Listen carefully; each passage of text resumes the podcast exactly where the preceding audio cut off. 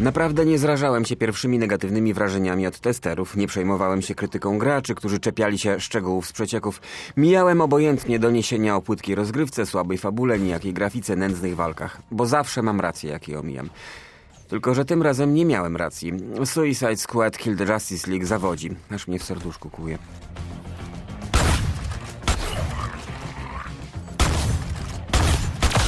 No bo jak przecież? Przecież cała seria Arkham. Nawet te części, które nie podobały się graczom, mnie wciągnęły bez reszty. No bo przecież to gotowy materiał. Przecież od dawna się mówiło, że DC może wypada gorzej w filmach, ale w grach lepiej. Nawet biorąc pod uwagę ostatnie dokonania produkcji o Spider-Manie. No jak? Aż chce się zarymować odpalając tę grę. I ja też miałem taką ochotę. Najgorsze jednak jest to, że nie miałem ochoty grać w Suicide Squad. I tę ochotę straciłem bardzo szybko. Pewnie mogę mieć pretensje tylko do siebie, że liczyłem na kawał krwistej historii i rozgrywki, z jaką mieliśmy do czynienia w Batmanach, a powinienem się nastawić na coś w rodzaju sieciowej strzelanki. Mogę sobie pluć w brodę, że nie zraziły mnie przecieki, które wyraźnie sugerowały, że mamy do czynienia z produkcją nastawioną na strzelanie, a walka wręcz to tu jakieś odległe tło. Może i bym to jakoś zaakceptował, ale dostałem po prostu kolejną grę usługę, która miała stawiać na pankowy, nieokrzesany klimat, a w rzeczywistości wygląda jak produkcja, która ma być dla dzieci, a usiłuje sprawiać wrażenie, że nikt jej nie wyrwał pazurów przed oddaniem do sprzedaży. Okej, okay, trochę emocjonalnie wyszło.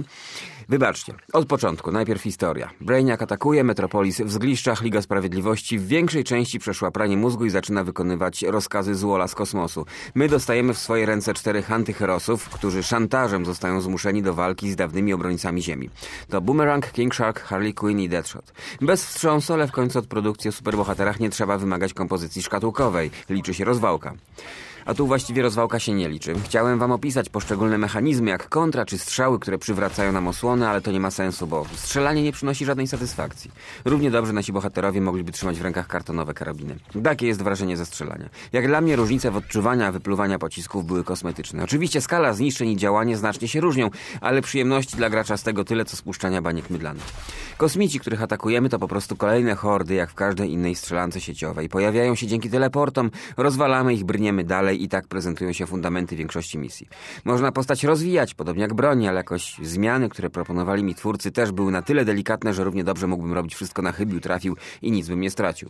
Okej, okay, niezły jest system poruszania się, każda z postaci ma własny. Harley używa pistoletu z liną i drona, które należały kiedyś do Batmana. King Shark jako bardzo silna postać wykonuje wysokie skoki. Boomerang robi coś w rodzaju teleportu, a Deadshot ma tradycyjny jetpack. Wszystkie te metody polegają na jak najdalszym odbiciu się od ziemi i nie mogłem oprzeć się wrażeniu, że chodzi Chodzi o to, żebyśmy przebywali na niej jak najkrócej, nie z powodów strategicznych, ale bardziej estetycznych. Mówiąc brutalnie, żebyśmy nie zobaczyli, że na Ziemi nie ma niczego interesującego, żadnych przedmiotów czy lokacji interaktywnych, urozmaiceń misji.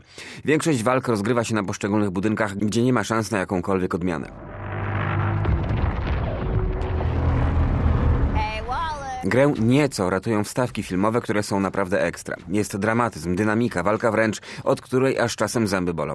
Czyli wszystko to, czego zabrakło w rozgrywce. Sprawdzają się także nieźle kreacje głównych bohaterów. Są ironiczni, bywają cyniczni, prostaccy, wulgarni, a nawet i niekiedy zabawni. Kłócą się między sobą i kombinują, jak wyjść ze wszystkiego, a jednocześnie najlepiej jeszcze zrobić kogoś w konia. Graficznie bohaterowie też są z najwyższej półki. Szkoda, że poszczególne kawałki świata sprawiają wrażenie, jakby były ze styropianu, bo metalowe barierki potrafią się rozpaść przy pierwszym lepszym kontakcie. Dobra, długo mógłbym wymieniać jeszcze i mówić, jak bardzo jestem rozczarowany. A jestem bardzo. Może jednak fanom sieciówek się spodoba. Jeśli jednak liczycie na jakikolwiek oddech Arkham tej produkcji, to trzymajcie się od niej z daleka. 5 na 10.